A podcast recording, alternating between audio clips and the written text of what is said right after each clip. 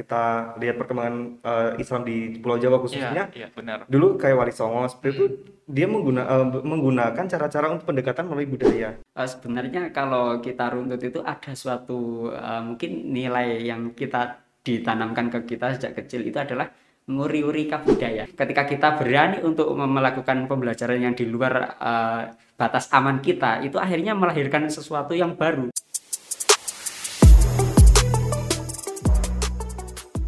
Aksara Kalijaga, bincang-bincang ilmiah Ngobrol penuh rasa, di bawah santai aja. Assalamualaikum warahmatullahi wabarakatuh. Halo Bestara, kembali lagi di Aksara Kalijaga. Nah, hari ini bersama saya Febri Aldiansyah yang tentunya akan berbincang-bincang seputar karya tulis ilmiah di lingkungan Fakultas Dakwah dan Komunikasi UIN Sunan Kalijaga. Bersama saya kali ini sudah hadir dua narasumber yang keren banget dan juga merupakan eh, pembuat dari karya tulis ilmiah, yaitu ada Mas Mudokir Yusuf. Apa kabar, Mas? eh, Alhamdulillah baik. Alhamdulillah Iya. baik ya. Dan juga ada Mas Hairul Muna, apa kabar Mas? Alhamdulillah. baik. Alhamdulillah baik ya. Nah, sedikit saya akan membacakan profil ya atau biografi nih dari Mas biasa dipanggil Mas Ah, Yusuf iya, ya Mas Yusuf. dan juga biasa dipanggil Mas Muna. Jadi teman-teman Bestara perlu diketahui ya, kedua narasumber kita ini merupakan narasumber yang kece banget tentunya. Mas Mudofir Yusuf yang merupakan mahasiswa dari program studi komunikasi dan penyiaran Islam dan saat ini sedang menempuh pendidikan di semester 5-nya. Juga bersama Mas Hairul Muna yang merupakan mahasiswa dari program studi pengembangan masyarakat Islam dan juga semester 5 ya Mas ya. Nah, kedua narasumber kita ini juga merupakan satu tim ya Mas ya di kompetisi apa kemarin? Kita kompetisi yang mengadain dari FDK UIN Mataram. Ah iya UIN Mataram. Jadi mereka sama-sama bestie nih. bestie yang juga sama dengan eh, Bestara juga, Besti Aksara ya. Nah, eh, kedua narasumber kita ini juga aktif nih di beberapa organisasi ataupun UKM dan juga aktif di bidang akademik dan non akademik ya. Keren banget ya. Tepuk tangan dulu dong untuk narasumbernya ya. Oke, em, kira-kira eh, sebelum kita masuk ke eh, pembahasan yang lebih panjang, kita mau kenalin dulu nih tentang karya tulis ilmiah yang telah dibuat. Mungkin boleh nih Mas eh, dari salah satu Mas Yusuf atau Mas Muna untuk memperkenalkan sedikit nih dari karya tulis yang telah dibuat gitu. Mungkin Mas Muna dulu aja. Oke, Eh, karya tulis yang kita buat waktu di FDK UIN Mataram itu berjudul Penguatan Moderasi Beragama Melalui Pandawa atau Pendidikan Agama dan Wawasan Budaya. Itu Hmm. karena memang tema yang diusung tentang eh, moderasi. Moderasi beragama Moderasi, gitu ya. ya. Oke, jadi kemarin ini eh, lombanya itu di tahun 2021 Iya, sekitaran bulan 2000. berapa itu, Mas? Bukan apa? Bulan Juli. Juli ya. bulan Juli ya. Wah. Nah itu eh, berapa lama nih waktu pembuatannya itu? Sekitar Cukup satu lama ya? bulan. Ah, Oh, satu bulan ya. iya, satu bulan.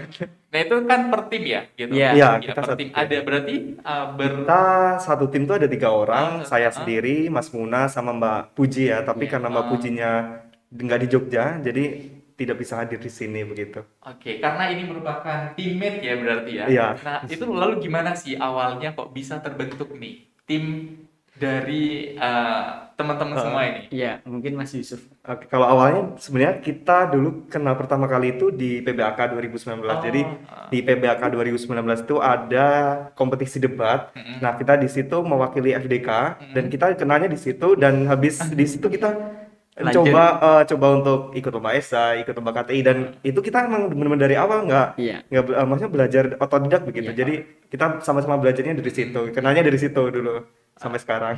Asik sekali ya berarti Bes, Sarah. Mereka ini sudah bestie dari awal gitu ya berarti sudah memiliki chemistry yang sama gitu. Maksudnya udah udah apa satu circle gitu ya. Jadi Heeh. uh, sudah Iya. saling kenal Iya, dan benar. enak gitu ya untuk bekerja sama di dalam tim gitu. Iya, Dan hasilnya alhamdulillah menang gitu ya Mas ya. Alhamdulillah. Alhamdulillah ya, wah keren banget nih.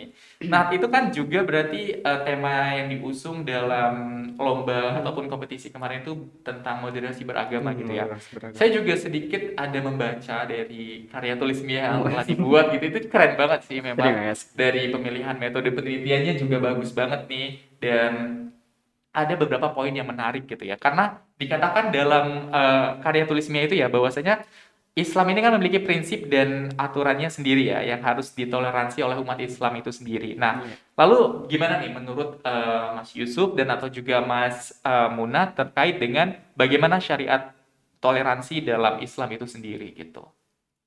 Siapa dulu ini? Mas Ya Muna, mungkin Oh. Mas Muna. Oke, eh, terkait toleransi kan eh, sebenarnya kalau kita melihat dari ayat itu banyak sekali ayat-ayat yang menceritakan tentang toleransi. Salah satunya eh, surat Al-Kafirun ayat terakhir itu kan mengatakan bahwa itu eh, untukmu agamamu dan untuk agamaku dan itu sebenarnya ayat toleransi dan kadang juga bisa dikatakan intoleransi karena ayat itu seperti mengatakan kalau itu eh, masa bodoh atau bodoh amat begitu. Kalau bagi Anda ya bagi Anda, bagi saya bagi Iya. saya. Nah, eh, singkatnya begitu. Tapi di sisi lain itu saya juga melihat dari ayat eh, surat kedua ayat 114 itu yang mengatakan bahasanya siapa barang siapa yang lebih dolim ketika orang itu menghalangi untuk beribadah. Nah, di ayat itu mengatakan kalau ada seseorang yang menghalangi orang lain untuk beribadah itu lebih dolim daripada orang yang eh, dolim seperti seperti itu. Jadi eh, jadi untuk moderasi itu atau sifat eh, tawasud atau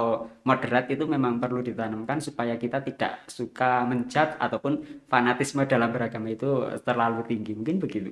Hmm, iya berarti memang memang realitanya ya sekarang Iya. juga fanatisme ataupun eh, kefanatikan gitu ya dari kaum-kaum ataupun mungkin segelintir orang dari suatu agama itu sangat eh, kontras gitu ya di di era sekarang gitu ya. Nah, makanya kita memang perlu untuk melakukan ataupun menggaungkan ya konsep bermoderasi agama ini dan juga ini kan sudah menjadi salah satu eh, goals dari Kemenak gitu ya saat ini terus menggaungkan Iya. apa apa konsep-konsep Moderasi. moderasi gitu ya. Nah, Lalu ini gimana nih menurut uh, Mas Yusuf atau Mas Hmm. Muna nih tentang apa sebenarnya value atau esensi moderasi beragama menurut kalian nih teman-teman? Ya, kalau dari menurut kami sendiri, value atau arti esensi dari moderasi itu ketika kita memiliki sikap netral, sikap tengah-tengah gitu. Apalagi kita tahu kita di Indonesia, kita memiliki keberagaman, kita memiliki multi etnis, multi culture yang banyak sekali. Dan di situ maka kita diperlukan sebuah pemahaman dan sebuah sikap. Kita harus berada di tengah-tengah. Kita tidak boleh eh, melihat sisi harus kita menunduk ke kiri ke kanan, tapi kita harus berada di tengah-tengah karena ketika kita itu berada di tengah-tengah,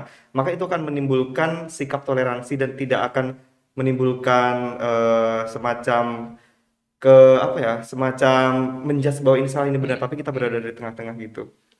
Ya harus bersikap. Ya tadi ya balik lagi intinya Iya. netral Iya, gitu ya, netral. tidak tidak Tidak condong ke kanan, tidak condong ke Iya. kiri gitu ya. Nah, uh, juga ini kan ada satu karena bahasanya tadi tentang Pandawa ya. Apa uh, Iya. singkatan dari apa Mas? Pendidikan, Pendidikan, agama, agama, dan dan budaya. budaya. Nah, Budaya. Kalau misalnya di saat ini juga kita kan temui gitu, kadang kan ada aspek budaya yang juga bertentangan dengan agama. Nah, Iya. itu sendiri gitu. Lalu eh, gimana nih sedangkan juga di agama dan budaya dijadikan komponen dalam penguatan moderasi dalam karya tulis ini. Jadi menurut teman-teman ini gimana ketika adanya eh, konsep eh, budaya yang juga bertentangan atau sebaliknya gitu dengan agama itu sendiri? Iya. Saya ya? Iya, boleh.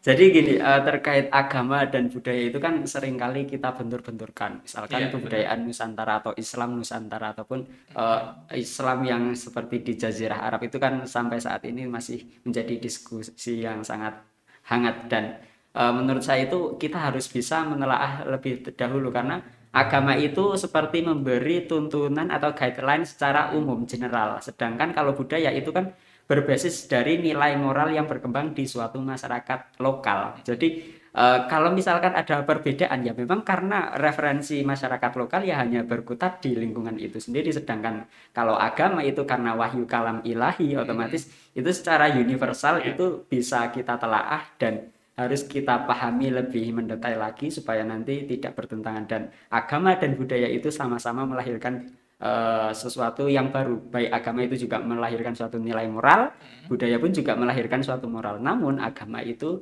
eh, intinya tidak eh, menyuruh seseorang untuk berperilaku kerusakan ataupun eh, eh, kerugian bagi dirinya sendiri. Begitu. Berarti eh, mungkin eh, satu poin yang bisa diambil untuk eh, bagaimana pada akhirnya kita bisa eh, menguatkan konsep moderasi beragama itu dari unsur budaya dan agama itu sendiri adalah eh, bahwasanya kedua hal itu juga melahirkan sebuah nilai moral yang bagus gitu ya. Iya. Ketika kita memang paham terhadap apa sebenarnya budaya dan juga eh, dari ajaran agama yang diajarkan gitu tentunya. Iya.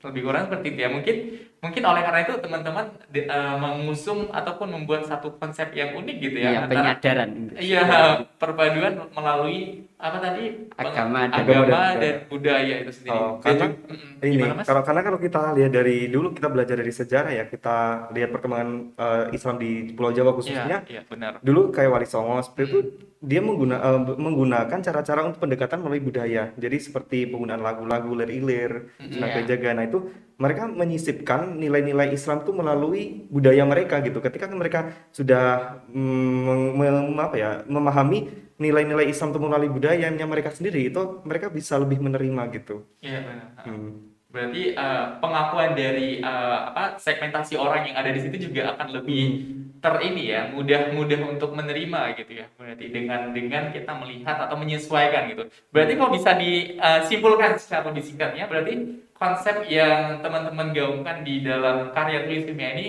dari Pandawa itu adalah untuk eh, menyesuaikan salah satu bentuk adaptasi gitu ya terhadap eh, ini sendiri apa Iya. Masyarakat sosialnya gitu ya. Ya, kita tuh sebenarnya seperti melakukan seperti refleksi atau Hmm. penyadaran bagi uh, orang yang membaca. Di sisi lain kita juga memberi formulasi uh, terkait apa sih yang harus dilakukan. Nah, uh, di dalamnya di dalam karya tulis yang selanjutnya itu saya bikin uh, di dalamnya itu uh, tentang uh, bagaimana kiat-kiat membangun spirit uh, berag- moderasi beragama itu. Nah, saya merumuskan ada 5M. 5M itu ada yang pertama memahami, yang kedua menerima, yang ketiga adalah menghargai, yang keempat adalah menghormati, dan yang terakhir mengharmonisasi. Eh, memahami itu artinya dalam masyarakat multicultural seperti ini Iya. kita harus bisa tahu oh kita itu umat yang beragam konsekuensinya kita harus bisa memahami. Terus yang kedua harus juga bisa menerima karena eh, ini sebuah keniscayaan yang harus kita jalani sebagai orang yang hidup di Indonesia. Yang ketiga eh, adalah menghargai. Kita harus bisa menghargai orang lain, respect supaya orang lain itu juga bisa menghargai kita. Dan yang keempat adalah kita menghormati mereka. Mereka juga pasti akan menghormati kita. Dan yang terakhir, eh, semua itu yang telah kita lakukan itu akan menjadi harmonisasi dalam umat keberagaman atau sering kita tahu adalah bineka tunggal ika. Mungkin begitu singkatnya. Menarik sekali tadi terkait dengan eh, satu kata yang disampaikan oleh Mas Muna itu tentang multikulturalisme gitu ya. Nah, ini sangat erat kaitannya dengan eh, Indonesia tentunya ya. Yes. Dengan negara kita yang sangat multikulturalisme, banyak multikultur yang ada di eh, negara kita saat ini. Nah, lalu gimana menurut eh, teman-teman ini, ter- Mas Yusuf dan juga Mas Muna, eh, ter- terhadap kendala dalam multikulturalisme yang salah satunya adalah tentang keagamaan itu sendiri. Maksudnya adalah manusia ini terkadang selalu menganggap eh, selalu ada konsep egoisme gitu. Iya. Nah, dalam beragama dan juga berbudaya. Lalu gimana nih? Tanggapannya dari Mas Yusuf Mungkin Mas Yusuf dulu. Oke, menurutku itu sesuatu hal yang sukar tapi Hmm. eh, walaupun sukar tapi eh, belum eh, walaupun sukar tapi kita tetap bisa mengubahnya secara pelan-pelan karena namanya konsep kita memahami suatu konsep apalagi kita dididik sejak kecil dan jika dari awal memang dididik dari kecil yang tidak kita tidak memahami konsep moderasi, tidak memahami konsep toleransi itu kan susah kan karena kita dari awal udah terbentuk mindset yang seperti itu gitu. Iya. Apalagi ketika kita dari kecil terbentuk mindset yang seperti itu dan ketika kita sudah besar maka untuk meluruskan lagi itu perlu proses yang sangat lama sekali. Nah, maka dari itu ya sukar-sukar tapi ya tetap kita tetap bisa gitu Bisa, Nah, ya. melalui pendekatan-pendekatan tadi, melalui pendekatan kebudayaan itu lagi ataupun melalui pendekatan atau sekarang dengan literasi digital seperti itu sih. Berarti ya memang pada akhirnya sukar belum tentu Tidak belum, belum bisa. berarti tidak bisa Ha-ha. gitu ya. Ha-ha. Hanya aja memang membutuhkan Butuh waktu yang yang dan, lama, ha. Iya. dan juga butuh adaptasi, Adaptasi, dan ya, benar. dan lain sebagainya. Mungkin kalau dari Mas uh, Munianya sendiri gimana? Eh, jadi eh, terkait egoisme seseorang atau fanatisme Iya. dalam beragama itu eh, sebenarnya kalau kita runtut itu ada suatu eh, mungkin nilai yang kita ditanamkan ke kita sejak kecil itu adalah nguri-uri kebudayaan atau Mhm. kalau bahasa Indonesia itu meles- melestarikan kebudayaan. Nah, eh, sebenarnya ini bagus karena ini untuk menunjukkan jati diri siapa sih saya dan siapa sih eh, lingkungan saya itu dan lain sebagainya. Tapi di sisi lain itu karena kita hanya diajarkan kebudayaan kita sendiri dan kita tidak diajarkan untuk eh, memahami oh ada yang lain, ada yang berbeda, ada yang memiliki eh, begitu dan lain sebagainya. Akhirnya kita juga eh, terlalu fokus kepada budaya sendiri dan menganggap budaya kita itu paling bagus dan Hmm. budaya yang lain belum tentu seperti kita. Nah, itu sebenarnya bagus tapi perlu kita selaraskan dengan pemahaman eh, moderat itu tadi supaya eh, kita bisa menghargai yang lain karena nguri-uri kebudayaan pun juga yang lain pasti akan sama. Misalkan Jawa dengan Aceh ataupun Jawa dengan Papua itu pasti sama-sama akan eh, melestarikan kebudayaannya. Tapi ketika tidak ditanamkan sikap untuk menghargai ataupun menerima keberagaman otomatis itu akan sukar untuk bisa hidup berdampingan ataupun bersama-sama dalam wat ya, Bhinneka Tunggal Ika itu tadi. Jadi balik lagi ya Bestara, kalau misalnya itu uh, dengan konsep uh, 5M yang telah uh, tercantum di dalam karakterisme ini mungkin itu secara perlahan atau uh, secara berkala gitu ya bi- bisa diaplikasikan gitu ya di Iya, kehidupan bisa. sehari-hari kita. Ya, kita- Ya memang notabene mungkin Bestara juga di rumah ini uh, merasakan gitu ya dengan keberagaman dari mungkin sesimpel keberagaman yang ditemukan di satu kelas atau mungkin di satu fakultas prodi gitu ya. Satu Ah, kos. iya satu kos juga gitu ya. Jadi, nah itu kan ada tentunya keegoisan keegoisan ter Iya. egoisme itu sudah menjadi hal yang manusiawi Iya, tentunya iya. ya. Sudah memang na nalurinya manusia untuk memiliki hal tersebut gitu ya. Tetapi balik lagi bukanlah hal itu yang dibenar, bukanlah sesuatu yang dibenarkan untuk mengatakan bahwasanya kamu tidak benar sedangkan Iya. saya benar gitu ya, bukan begitu. Betul. Jadi, nah ah, mungkin ya menarik sekali jika memang konsep dari karya tulis Mia dari Mas Yusuf, Mas Pemuna dan teman-teman yang lain yang telah dirangkum di Iya. karya tulis Mia ini dapat diaplikasikan di kehidupan sehari-harinya gitu ya de- dengan konsep 5M tadi gitu. Nah, eh, menyambung dari pernyataan dari Mas Muna tadi Bestara terkait dengan ya klaim kebenaran gitu ya. Nah, klaim kebenaran ini di- juga dibahas dalam karya tulis Mia ini ya. Itu suatu Iya. pembahasan yang menarik gitu. Karena memang eh, di realitanya pun klaim kebenaran dari eh, umat beragama masing-masing agama tentunya atau mungkin eh, segelintir orang ya masih menganggap bahwasanya saya ini lebih benar daripada kamu atau Iya. mungkin sebaliknya dari orang lain yang mengatakan seperti itu. Lalu nah mereka yang menganggap bahwasanya kelompoknya ini jauh lebih baik atau mungkin memahami secara benar gitu uh, tentang hal yang diyakini, sementara uh, sudut pandang yang dibentuk di lingkungan sejak kecil dan juga pendidikan yang diterima setiap individu itu kan uh, tidak uh, tidak jarang ya menjadi pemicu perpecahan antar kelompok gitu ya Mas ya.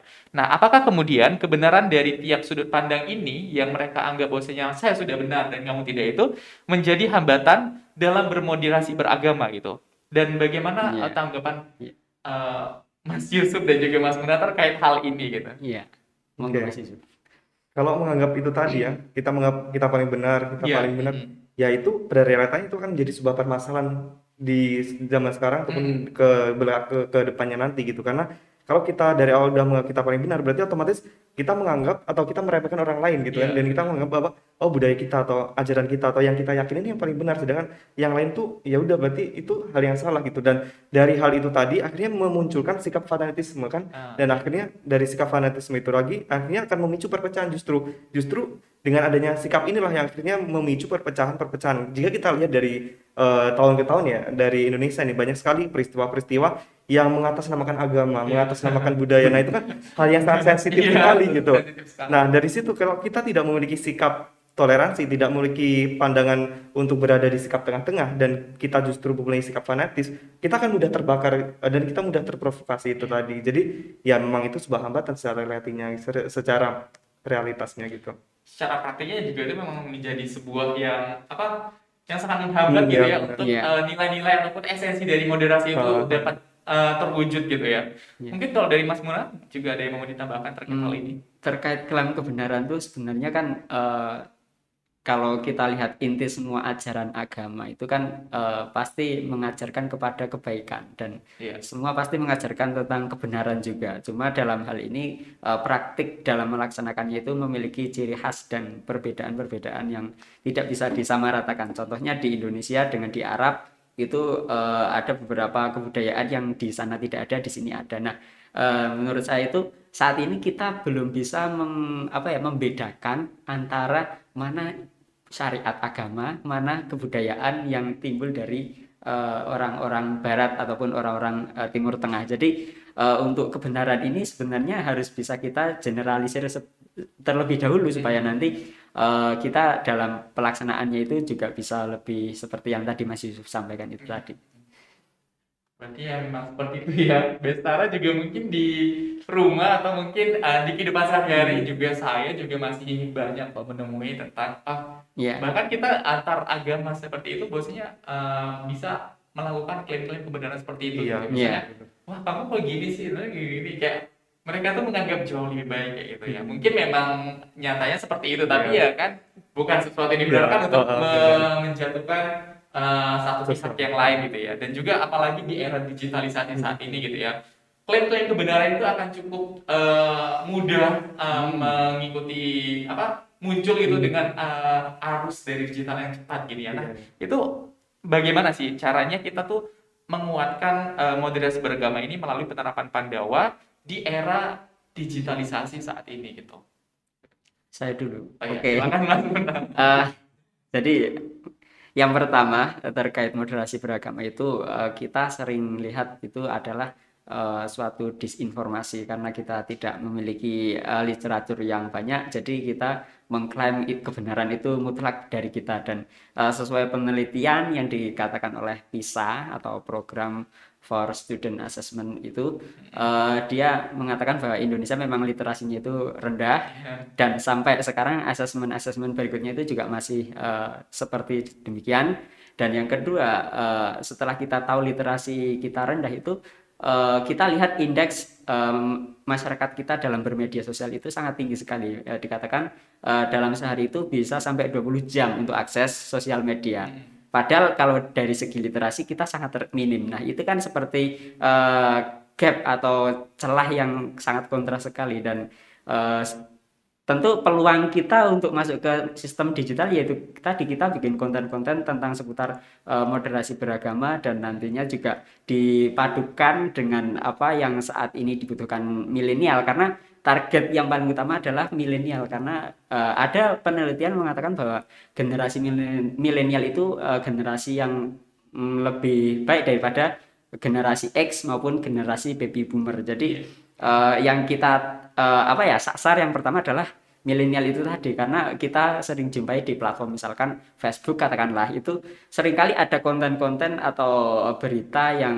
berbau unsur radikalisme ataupun eh, konten-konten yang unfaedah yang seharusnya tidak kita baca dan akhirnya kita juga bisa melihat eh, kalau di kom- kolom komentar itu. Netizen itu eh, sangat unik-unik sekali dan komentar yang unik itu yang nanti akan dijadikan eh, patokan ataupun menjadi quote terbaru terbaru. Contohnya yang kemarin trending itu adalah itu yang di Mandalika itu. Meskipun itu bukan ada unsur agama dan unsur kebudayaan tapi karena ada quote yang lucu jadi sekarang jadi trending. Nah kita ingin mem- apa ya membuat ataupun memberi pemahaman kepada mereka itu bahwa eh, dalam etika bermedia sosial ataupun dalam pemahaman ini kita harus bisa lebih eh, menekankan sisi eh, kebermanfaatan kebermanfaatannya dan juga eh, tidak merugikan orang lain gitu.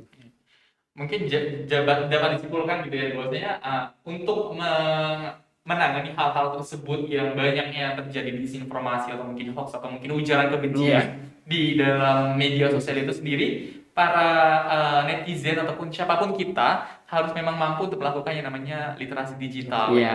Intinya kita dapat uh, harus melakukan literasi dengan baik gitu ya, baik digital ataupun mungkin literasi yang seperti biasa membaca seperti itu. Mungkin Bestara juga di rumah uh, uh, sudah merasakan hal-hal yang memang terjadi seperti misalnya dijumitin gitu ya oleh oleh oleh netizen netizen gitu. Mungkin beralih ke Mas Yusuf nih, Uh, kan kalau kita bicara tentang moderasi beragama ini sendiri pastinya juga ada ya oknum-oknum tertentu yang masih kontra dengan konsep yang digaungkan uh, ini ya. Nah, anggapan yang mengatakan bahwasanya uh, moderasi beragama ini akan pada akhirnya melemahkan syariat gitu. Nah, itu gimana nih? Kira-kira menurut Mas Yusuf sendiri, apakah uh, bagaimana tanggapan Anda terkait ya itu anggapan-anggapan dari sisi kontra terhadap konsep moderasi ini gitu?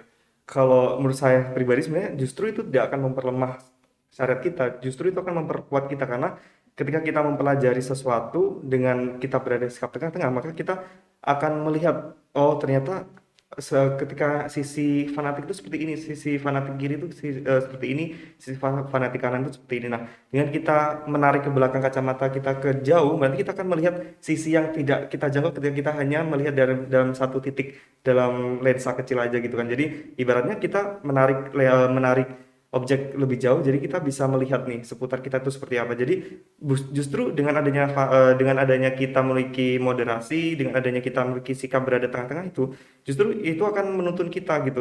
Dan kita justru menjadikan kita menjadi manusia yang lebih toleran gitu. Dan justru itu tidak akan memperlemah, justru semakin memperkuat. eh, se- sebenarnya malah semakin iya. memperkuat gitu. Nah mungkin itu hanya apa statement-statement Hmm. yang akan meruntuhkan gitu ya atau Ya. yang baik tadi ya bahwasanya kita hidup di masyarakat yang Iya. memang ada yang pro ada yang kontra gitu. kembali lagi sih ke mereka karena Ah. kita tidak hak untuk kita tidak hak kita, kita tidak ada hak untuk mengatur mereka untuk percaya kita tapi Iya. seenggaknya kita ya itu hak mereka gitu yang penting kita memiliki sikap itu dan kita bisa menularkan itu kepada teman-teman kita kepada orang-orang sekitar kita gitu Oke, bagus sekali ini memang seharusnya memang kita harus bisa mampu untuk menerapkan moderasi beragama ini dari ruang lingkup terkecil kita ya, Bestara dan juga ah, pastinya Mas Yusuf dan juga Mas Muna. Oke, yang terakhir deh ini ah, pesan gini untuk para Bestara dan juga untuk kita semuanya, ah, bagaimana kita pada akhirnya mampu menjadi manusia yang memanusiakan manusia dengan konsep moderasi beragama Iya. dan juga mungkin uh, yang selinier lah gitu dengan konsep Pandawa yang ada di Iya. karya tulis ilmiah teman-teman. Mungkin dari Mas Muna dulu deh Oke. pesannya.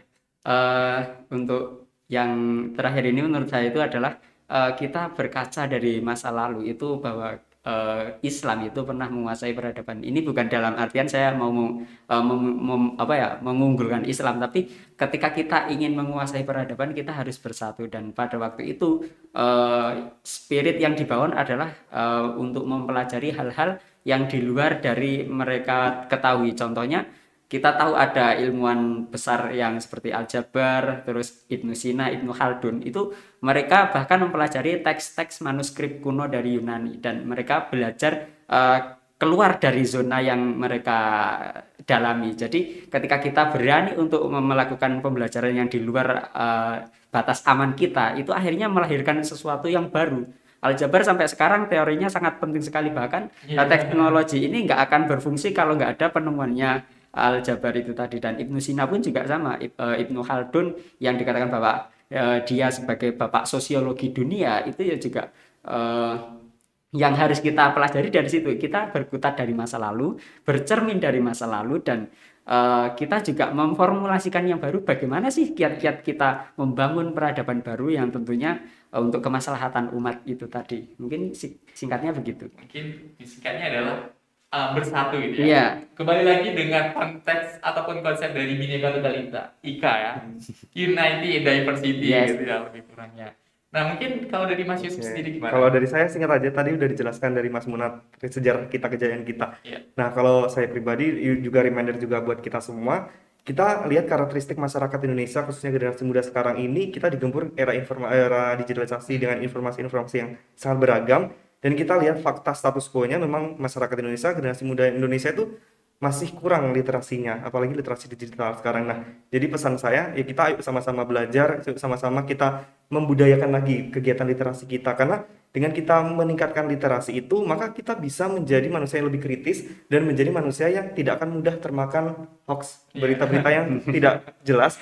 Nah, dari situ maka kita akan terhindar nih kayak itu tadi ada adanya fanatis dengan adanya lain sebagainya itu karena dengan kita memiliki sikap itu ya kita bisa menjadi wawasan kita semakin luas gitu sih. Ya, benar ya. Hmm. Dan pada akhirnya mungkin menarik lagi ke awal tadi ya bahwasanya pada akhirnya dengan semua itu dengan kita mungkin bisa bersatu dan kita mungkin bisa mengupgrade diri gitu ya melalui literasi digital yang saat ini di era digitalisasi tentunya kita akan bisa uh, hidup ataupun tinggal uh, di uh, apa di masyarakat sosial yang multikultural ini dengan harmonis gitu ya pada akhirnya Iya, benar. dengan nyaman dan bisa bersatu dan menuju peradaban yang jauh lebih baik baik ya gitu tentunya dan bisa membangun negeri pada Iya, akhirnya pasti. Wah, sangat sangat menarik ya Pak. Sangat memang sangat menginspirasi dengan karya tulis Mia dari Mas Yusuf dan dan Mas Muna dan satunya lagi Mbak siapa tadi itu Dan jika memang kita bisa berkaca pada realitas sekarang dan juga merefleksikan diri dengan hal-hal yang sudah terjadi, pastinya kita akan mampu mem- membangun diri untuk menjadi lebih baik dan bisa eh, apa ya hidup di lingkungan yang lebih baik lagi gitu dengan adanya konteks apa pun kon- konsep dari moderasi beragama. Mungkin Bestara eh, juga bisa ya mulai melakukan hal-hal tersebut dari luar lingkup terkecilnya dari mungkin tetangga atau teman kelas dan lain-lain sebagainya. Dah sangat menginspirasi sekali nih dari kalian bersemuanya juga. Tepuk tangan dulu dong untuk kita. untuk Mas ya. Terima kasih Mas Yusuf, terima kasih Mas Ah, Muna yang telah berbagi ilmu, wawasan dan juga pandangannya kepada kita semua, kepada Bestara, kepada saya pribadi itu sangat memberikan wawasan dan juga pandangan terbaru uh, terkait dengan konsep moderasi beragama di kehidupan kita yang multikultural ini. Oleh karena itu mungkin saya mohon maaf nih jika mungkin ada kesalahan-kesalahan tadi dan juga mohon maaf kepada Bestara sekalian. Semoga apa yang kita bincang-bincang di Aksara Kalijaga kali ini dapat menjadi nilai tersendiri bagi kita untuk belajar menjadi manusia yang lebih baik. Mungkin itu saja dan sampai bertemu di Aksara Kalijaga selanjutnya. Dan terima kasih atas atensinya. Selamat sampai jumpa. Assalamualaikum warahmatullahi wabarakatuh. Waalaikumsalam warahmatullahi Aksara Kalijaga, bincang-bincang ilmiah. Ngobrol penuh rasa, di bawah santai aja.